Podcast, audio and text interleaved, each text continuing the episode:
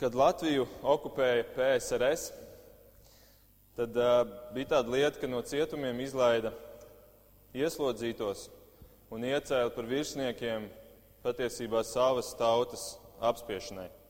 Tika izlaisti no cietumiem latviešu noziedznieki un tika iecelti par tiem, kuri ies un, un uh, darīs visas tās briesmīgās lietas pret savu pašu tautu. Bet 2000 gadus atpakaļ notika kaut kas līdzīgs Izrēlā. Izrēla okupēja Roma, un no jūdu vidas, no jūdu tautas vidus cēlās daži vīri, kuri ieņēma okupantu piedāvātos posteņus tieši tāpat savas tautas apspiešanai. Un tāpat kā mums Latvijā, tāpat arī tur tas varbūt bija labākais simbols vārdam nodevējs. Un viens no nīstākajiem, amatiem toreiz tur Izrēlā romiešu vadībā bija muitnieks, nodokļu iekasētājs. Un šie muitnieki dalījās divās daļās. Vieni bija tie, kuri iekasēja, ja mēs tā varam teikt, valsts nodevas, PVN, iedzīvotāju ienākumu nodokli un tā tālāk. Un viņus sauca par gabai. Tie bija gabai un tie bija uh, tie valsts muitnieki. Bet bija otri, un viņi iekasēja par visu pārējo, par visu to, kas nebija saistīta ar valsti, un viņu sauca par mokhas. mokhas. Un viņi izdomāja paši savus nodokļus par visu pēc kārtas. Viņi sēdēja pie pilsētu vārtiem, pie tiltiem, un viņi iekasēja par importu, par eksportu, par ceļiem, par ostām, par laivām.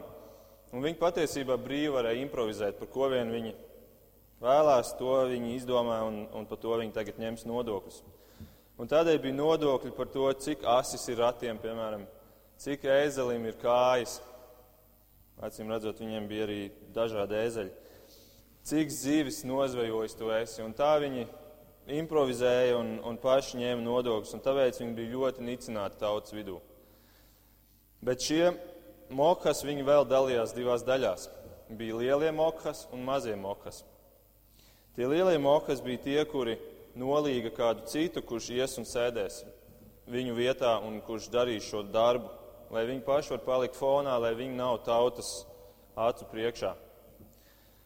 Bet bija mazie mokas, un tie bija tie, kuri paši gāja un visu darīja, sēdēja pie vārtiem.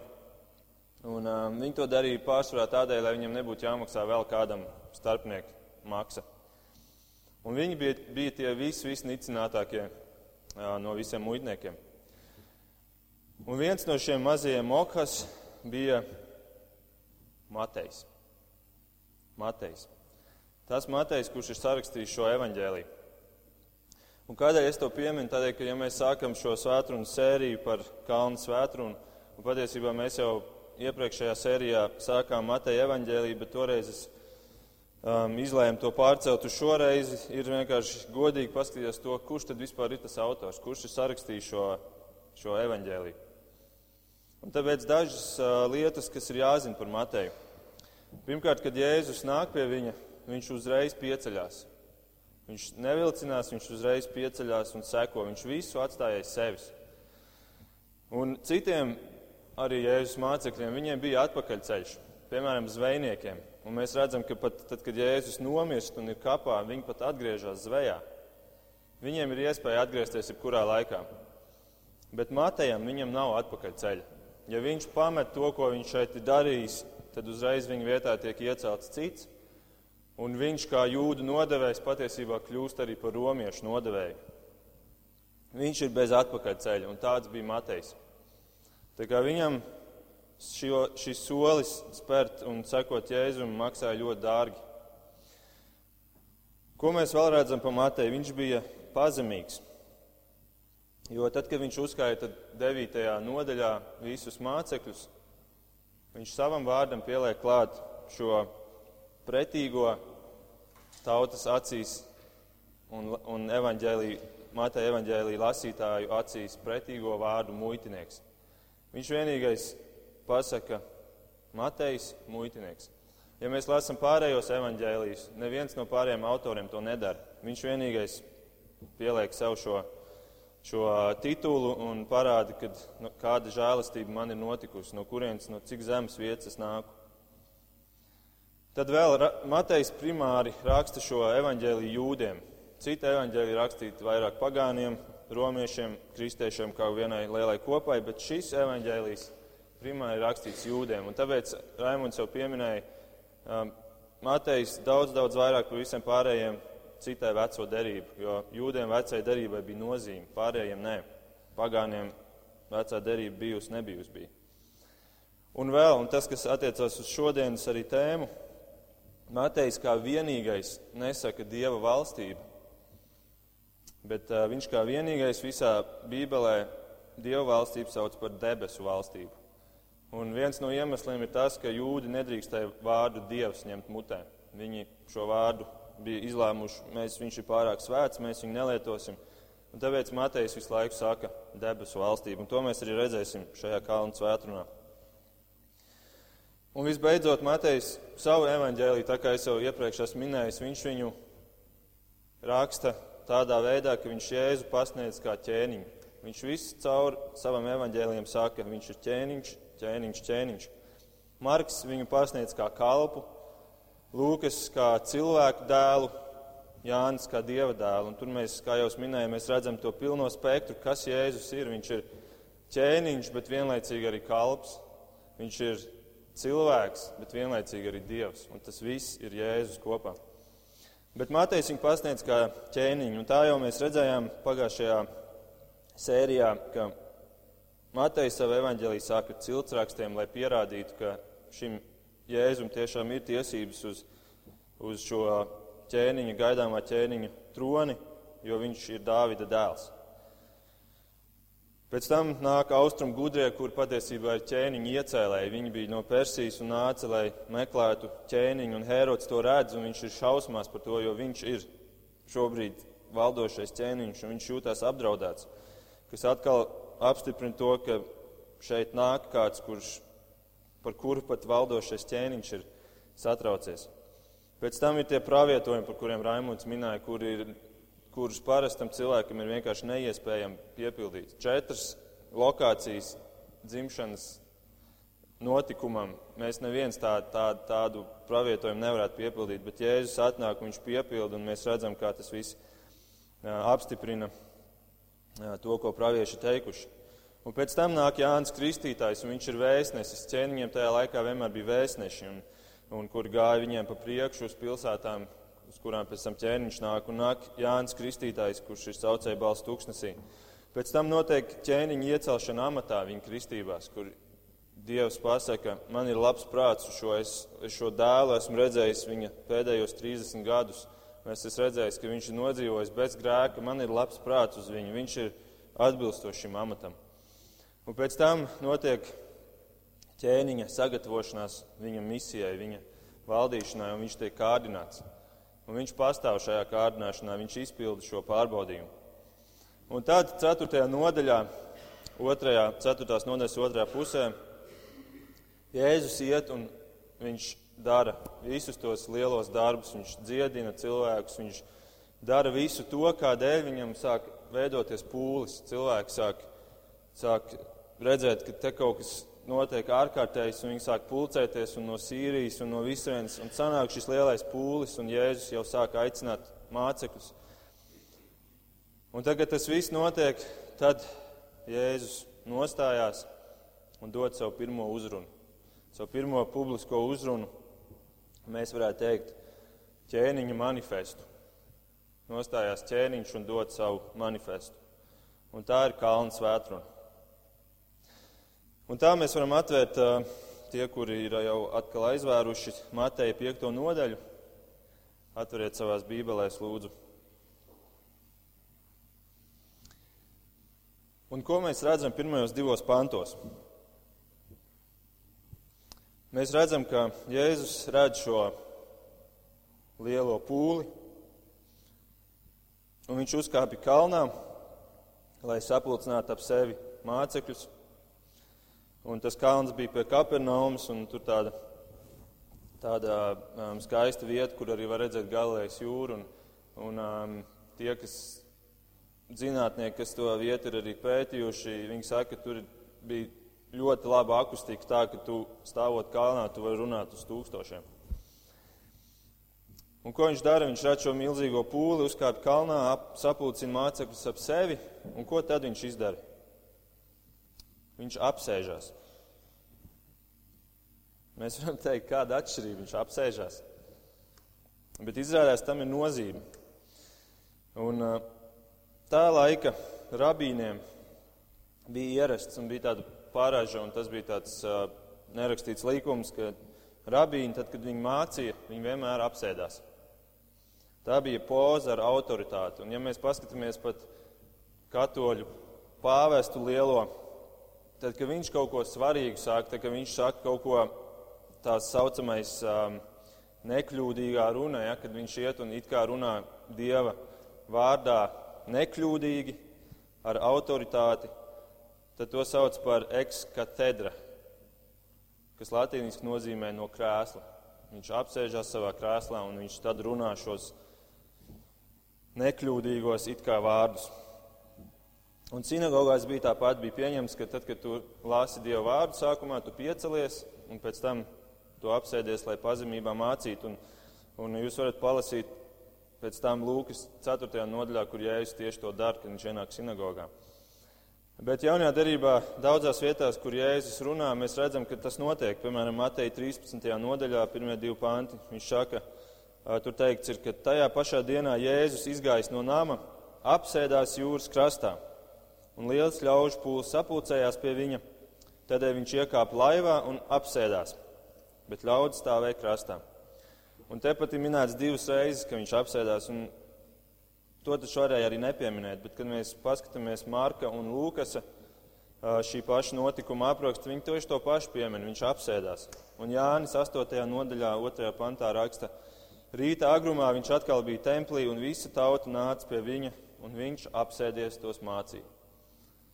Tā kā šis, ko mēs šeit studēsim, tas ir nopietni, jo Jēzus apsēdās. Un tad Jēzus sāk runāt.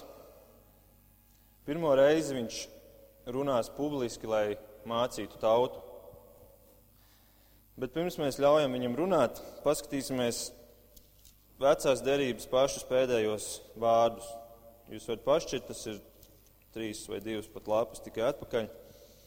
Maleahija grāmatā un paskatieties, kas ir pēdējais vārds. Tiem, kam ir vecais tulkojums, tie ir pēdējie divi vārdi. Tas ir vārds lāsts, vai vecajā tulkojumā, tulkojumā lāstu smagums. Lāsts. Vecā derība beidzās ar vārdiem lāsts. Vecajā derībā pēdējais cilvēks beidz savus, savu uzrunu ar vārdiem lāsts. Bet jaunajā derībā Dievs savus pirmos vārdus tautai saka un sāk ar vārdiem laimīgi. Laime, svētība. Tiem, kam ir vecais tulkojums, tiem tur ir rakstīts, ir svētīgi. Un te mēs jau redzam šīs kardinālās izmaiņas, ka vecā derība ir grāmata par lāstu, un tagad nāk Jēzus, un viņš visu pagriež kājām gaisā. Viņš nāk ar vēsti par svētību, par laimi. Un viņš uzreiz atklāja to, kas ir viņa galvenā misija. Viņš ir nācis padarīt cilvēkus laimīgus. Viņš ir nācis atnest laimi. Un vai visi cilvēki vēlās būt laimīgi? Protams, bet vai visi cilvēki ir laimīgi? Pat kristieši ļoti daudz nav laimīgi. Nezinu, kāpēc. Bet, protams, mums uzreiz rodas jautājums, laime, bet par, par kādu laimi ja šeit runā? Kas tā ir par laimi? Kas tā ir par svētību? Un interesanti, ja mēs mūsu bībelēs mums ir tikai divi tulkojumi, ja mēs paņemam abus šos vārdus - svētīgi un laimīgi, ja, kas ir mūsu vecajā jaunajā tulkojumā, ja mēs viņus saliekam kopā, mums sanāk vārds svētlaimīgi. Un tas patiesībā ir tas īstais vārds. Man, ja godīgi, viņš nepatīk, Un uh, viņš arī, es domāju, jūs viņu bieži nedzirdēsiet, bet tas ir tas īstais vārds. Un angliski mēs sakam be attitudes, kas ir tieši tas pats vārds, ja jūs viņu iztulkosiet svētlaimes. Bet paliksim pie vārda laime. Mēs pēdējā nedēļā, es domāju, un arī, arī uh, pēdējās dienās esam droši vien daudz paši teikuši, vai saņēmuši, vai rakstījuši kādam šo teikumu - laimīgu jauno gadu. Vai ne? Jūs noteikti esat saņēmuši šādus sveicienus. Bet ko nozīmē vārds laimīgi? Ko cilvēki to domā? Un um, droši vien tā virspusēji paņemot, tas ir novēlējums, lai tev ir veselība šogad, lai tu esi pārticis, varbūt pat, ja tev paveicās, lai tu esi bagāts, kļūst bagāts. Lai tev ir komfortabla dzīve bez lielām rūpēm, lai tev ir kvalitatīva atpūta, varbūt šo, šogad arī kāds ceļojums atlicis. Lai tev ir izpriecas, jautrība, daudz smieklu, jeb kā mēs sakam, fans. Lai tev ir panākumi tavā karjerā, tur, kur tu strādā, un, un, un, un varbūt tu kaut ko esi apņēmies jaunu sākt. Un, ja tu esi pavisam laimīgs, tad lai tev ir slāva un gods šogad, lai tu cilvēku acīs kaut kas kļūst. Un tā mēs sakam, laimīgi bagātie. Ak, kaut es būtu bagāts, ko es darītu, ja es būtu bagāts? Un mēs sakam, laimīgi, veiksmīgie savā karjerā. Un tad mēs apbrīnojam tos cilvēkus, kuri mūsu varbūt nozarē ir tie meistari un tie līderi. Un mēs sakam, laimīgi, slavenie un populārie. Un tad mēs runājam par to, kā, ka šis brīdis ir kā filmā un, un ka tas ir atceries to aktieru un tā tālāk. Un, un, un mēs sakam, laimīgi viņi visi, un kaut mēs kaut mazu daļu no viņu dzīves varētu, varētu arī piedzīvot. Un tāda ir mūsdienu uztvere par šo vārdu vai par šo novēlējumu. Un ja mēs tad palasam, ko Jēzus saka par šo vārdu laimi, tad paskatāmies šos pantus. Trešais pants. Laimīgi bagātie, jo viņiem pieder debesu valstība. Laimīgi jautrie, jo viņi tiks iepriecināti. Laimīgi veiksmīgie, jo viņi mantos zemi. Vai tā jums ir tur rakstīts? Nē, tā nav rakstīts. Man te ir kaut kas pavisam cits rakstīts. Laimīgi garā nabagie, hm. laimīgi abēdinātie, kā lūdzu, laimīgi lēnprātīgie, laimīgi izsalkušie un izslāpušie, laimīgi taisnības dēļ vajātie. Kas tā ir par laimi? Man tas izklausās pēc nelaimes. Nabagi, izsalkuši, izslāpuši, vajāti. Mēs varētu teikt, Jēzu, vai, vai tu te esi kaut ko sajaucis? Bet te mēs redzam to paradoksu. Un, un, protams, ka Jēzus nekļūdās, un, un patiesībā tieši tā arī ir. Pasaules piedāvātā laime vienmēr beigās atnes postu, tukšumu, nelaimi. Uz kādu laiku viņi izskatās pēc laimes, bet beigās viņi papildina tikai tavu bēdu un problēmu sarakstu.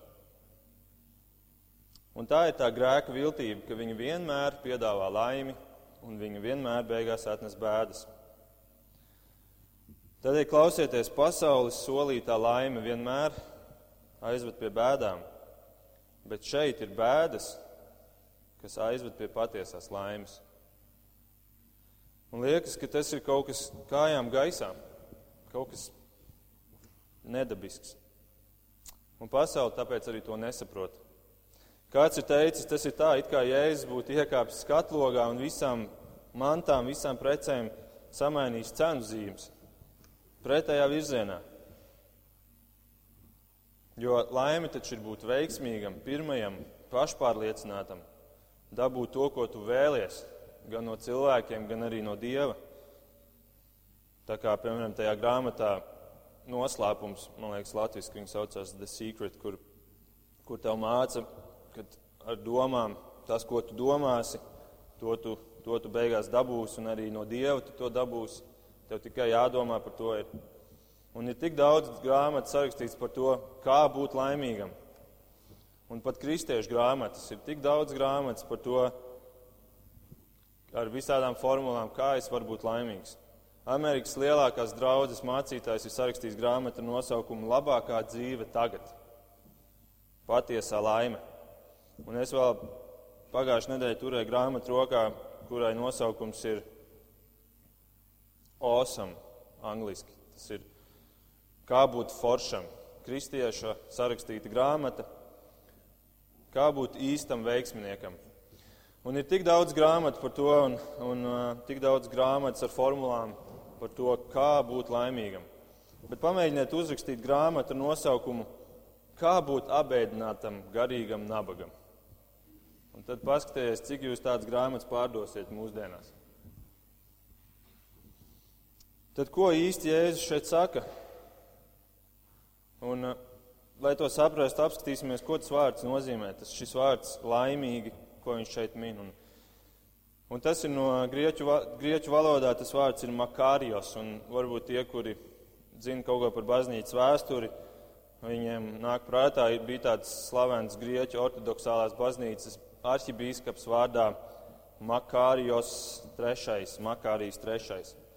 Tātad viņiem pat šis vārds tiek ņemts kā tituls, jeb kā, kā, kā vārds, kā nosaukums. Un ko nozīmē tas vārds Makārijos? Un tas vārds ir ārkārtīgi laimīgs, galēji laimīgs. Tas ir visspēcīgākais vārds, kāds laimēji tiek izmantots. Bet šai, šim vārdam ir viena ļoti interesanta īpašība. Un, uh, lai to parādītu, es citēšu Homēru. Jūs zinat, Homēru, jā, slavenais grieķu rakstnieks. Un viņš aprakstīja par to, kādi ir viņu grieķu dievi, viņu elgdievi. Un viņš tieši šo pašu vārdu lieto tam, un, viņam, un tas vārds tulkojumā ir šāds. Viņi ir laimīgi paši sevī, neatkarīgi no pasaules, kas pakļaut nabadzībai, vājumam un nāvei. Tātad laimīgs pats sevī. Tātad tā ir laime, kur nerodās ārēju faktoru rezultātā. Viņa nerodās un viņa arī nemainās ārēju faktoru dēļ. Tā ir laime, kas ir neatkarīga no tā, kas man notiek ārpusē. Tā ir laime, kas ir pati sevī. Un, Un ja mēs pajautājam, vai pasaules laime tāda ir, nē, pasaules laime mainās dien dienā, pat ik pēc pāris stundām. Tad tu esi laimīgs, tad kaut kas notiek, un tu vairs neesi laimīgs. Bet šī laime ir citādāka. Un pājam soli tālāk, lai kas šī laime būtu, kā izrādās, tā ir arī Dieva īpašība. Jo Dievs gan vecajā, gan arī jaunajā derībā tiek apzīmēts ar tieši šo pašu vārdu - makārijos.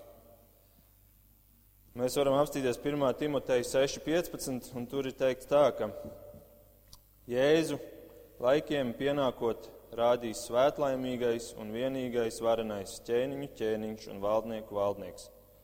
Rādīs svētlaimīgais un vienīgais.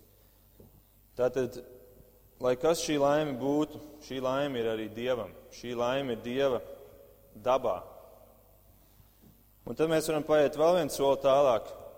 Un šis mums ir jāsaprot, lai mēs vispār saprastu kalnu svētrumu, tāpēc es par to runāju arī. Ja šī laime ir daļa no Dieva dabas, tad šīs laimes līdzdalībnieki būs tikai tie, kuri ir Dieva dabas līdzdalībnieki. Ja šī laime ir daļa no Dieva dabas, tad šīs laimes, par kuru Jēzus runā, līdzdalībnieki būs tikai tie, kuri ir arī Dieva dabas līdzdalībnieki.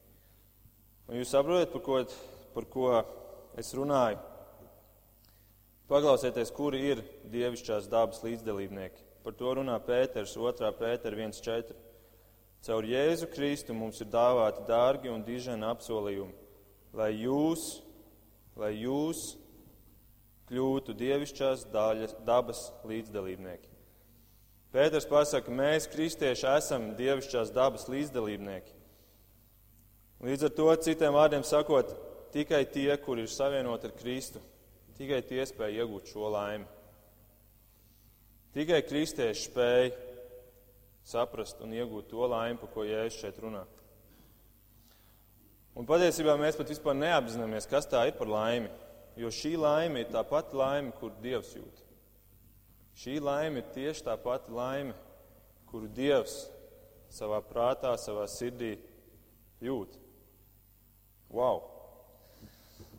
Tātad tikai kristieši spēja iegūt šo laimi, un, un tāpēc arī tikai kristieši spēja izdzīvot šo kalnu svētrumu. Un šis mums ir jāsaprot tiešām pirms mēs sākam lasīt un, un mēģināt saprast to, ko Jēzus šeit ir teicis. Līdz ar to šī kalna svētruna ir adresēta kristiešiem, nevis pasaulē. Un to mēs redzam šajos pirmajos divos pantos, kad Jēzus saka, kad, kad šeit ir teikts, Jēzus uzkāpa kalnā un viņa mācekļi sapulcējās ap viņu un viņš sāka tos mācīt. Kāds šeit varbūt teiks, bet tos varētu arī attiekties uz pūli. Bet uh, Lūkas pasaka vēl skaidrāk, Lūkas 6.20. Pacēls acis uz saviem mācekļiem, viņš sacīja, laimīgi jūs, nabagie un tā tālāk. Tā kā šī vēsts ir domāta kristiešiem, šī vēsts ir domāta tikai viņiem, jo tikai viņi spēj to sajust un izdzīvot. Un ja mēs patiesībā paņem katru no šīm lietām, kuras mēs šeit mācīsimies kā un svētunā, un izrakstīt uz lapas, mēs varētu katru no šīm lietām atrast vēstulēs, Pāvila un pārējās vēstulēs. Un kam ir adresēts vēstules? Draudzēji, kristiešiem. Tādēļ pasauli kalnu svētrunu nesaprot. Piemēram, Baraks Obama ir teicis, ka Kalnas vētruna ir pārāk radikāla. Aizsardzības departaments neizdzīvot, ja viņš dzīvot pēc tās. Vai arī Mahatma Gandijs, lielais pasaules miera nesējs. Viņš saskatīja Kalnas vētrunā tikai instrumentu Indijas ārpolitikas uzlabošanai. Pasaule to nesaprot.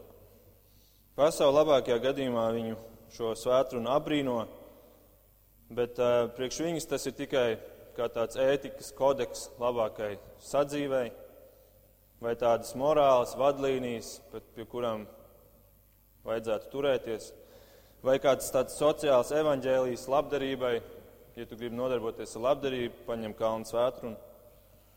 Vai arī tāds saraksts ar tādiem ideāliem, kurus neviens nespēja tāpat turēt. Vienkārši tāda laba priekšzīme.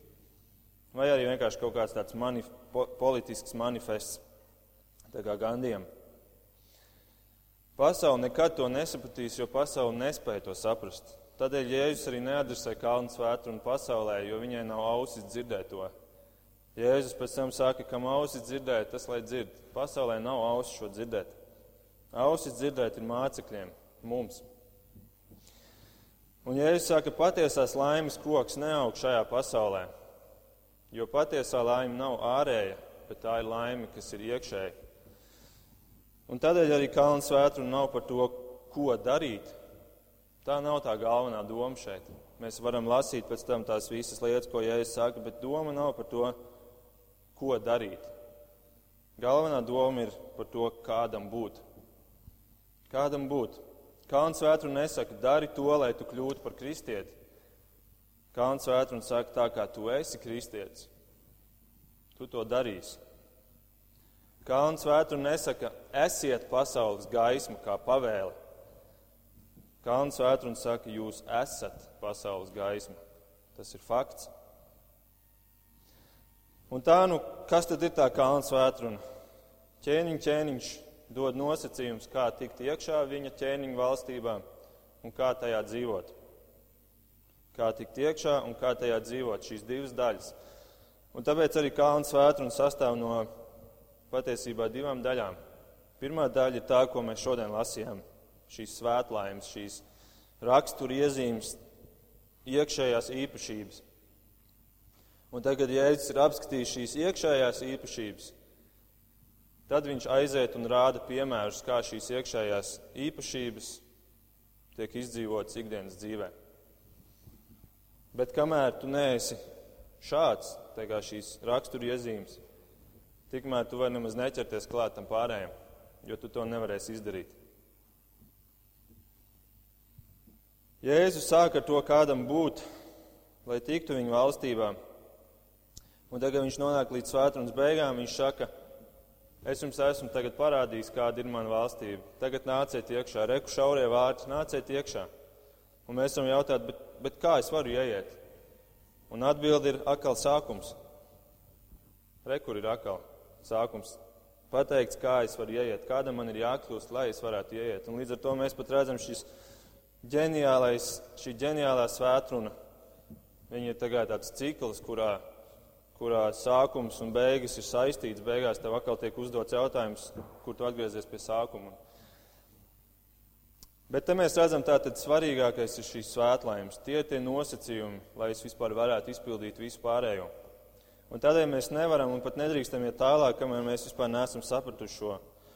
Un tādēļ arī visa šī kalna svētruna ir jāskatās kā viena liela, kopīga svētruna, kā viens kopums. Mēs nedrīkstam izķert kaut kādas lietas ārā, nesaprotot, ko pārējais saka.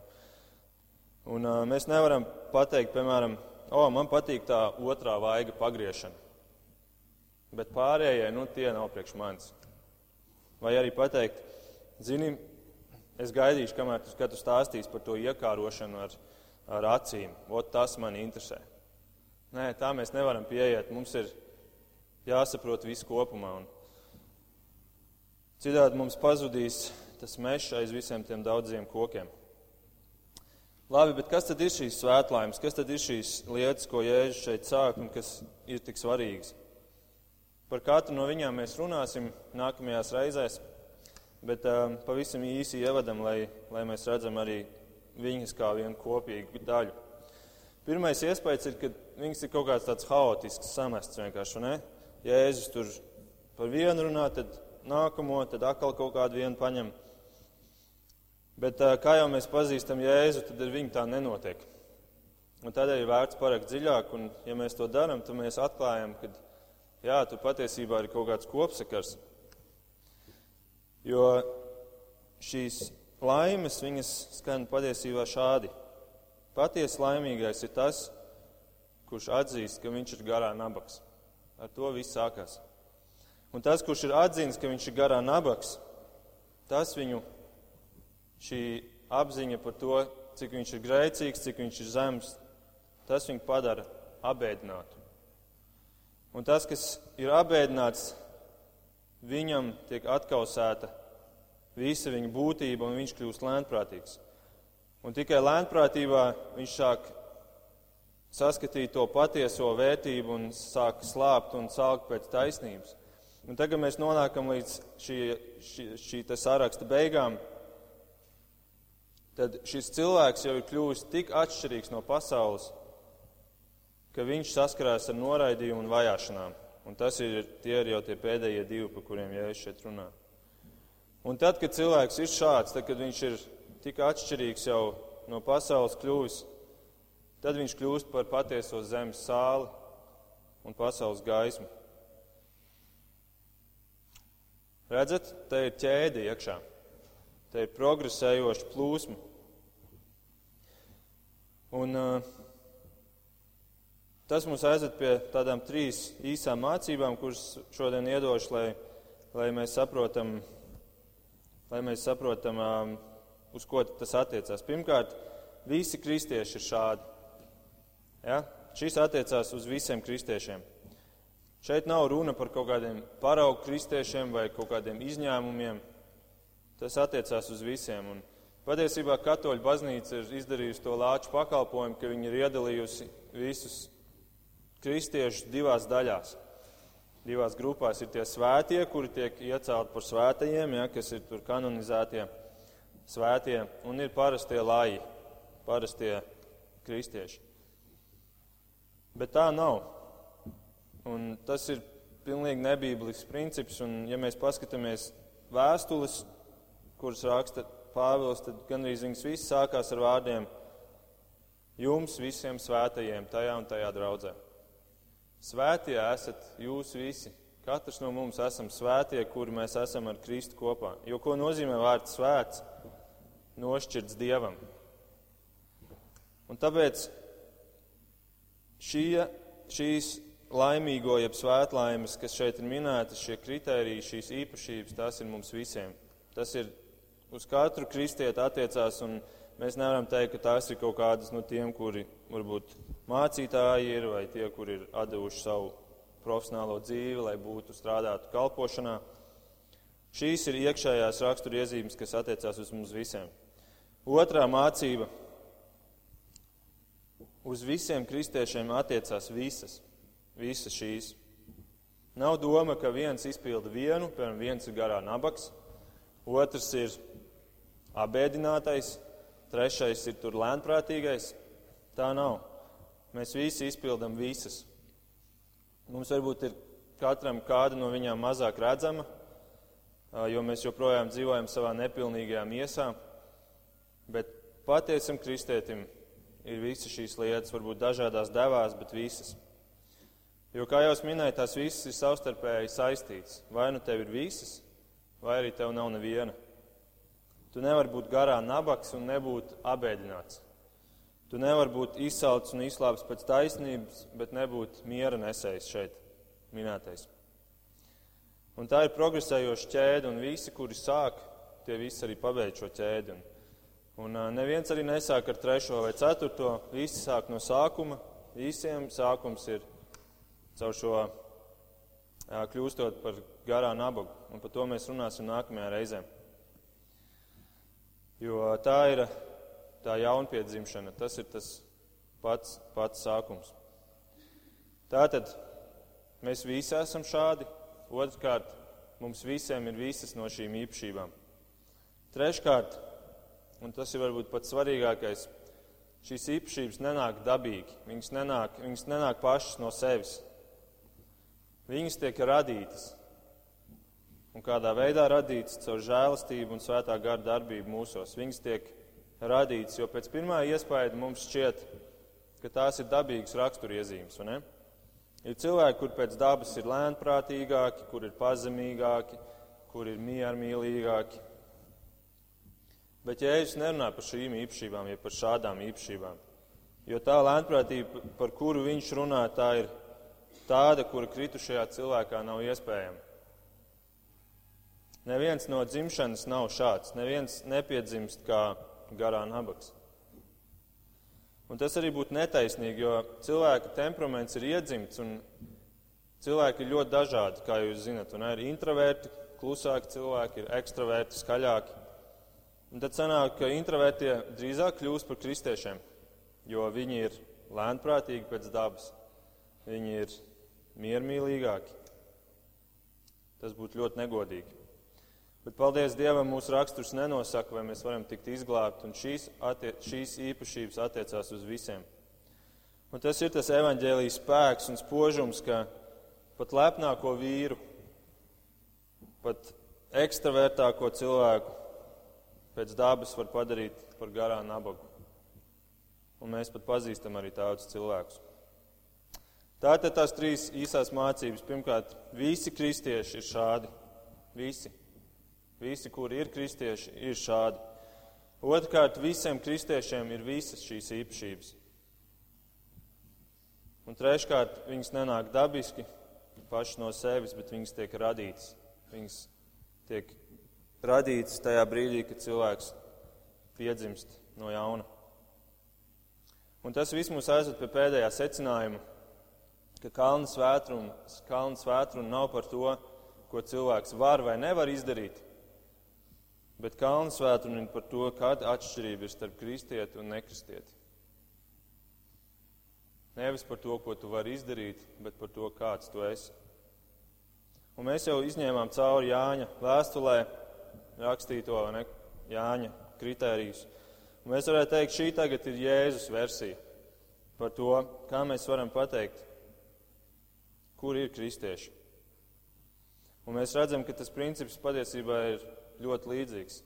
Notiek kaut kas iekšēji, un pēc tam ārēji šīs lietas parādās mūsu dzīvēm. Tādēļ mūsu mērķis Kalnu svēturnai ir pirmkārt pārbaudīt, vai tu vispār esi iekšā. Jēzus dod šeit kritērijus, kādi ir tie cilvēki, kur ir manā ķēniņa valstībā. Vai tu esi iekšā, vai tev šīs īpašības, mēs, kurām mēs iesim cauri, vai tev viņas patīk? Vai tev Tu vēlies būt tāds? Vai arī tu pasaki, ka nē, es, es nepiekrītu un, un um, es viņus nesaprotu pirmkārt, un otrkārt, uh, man liekas, ka tā nav pareizā pieeja.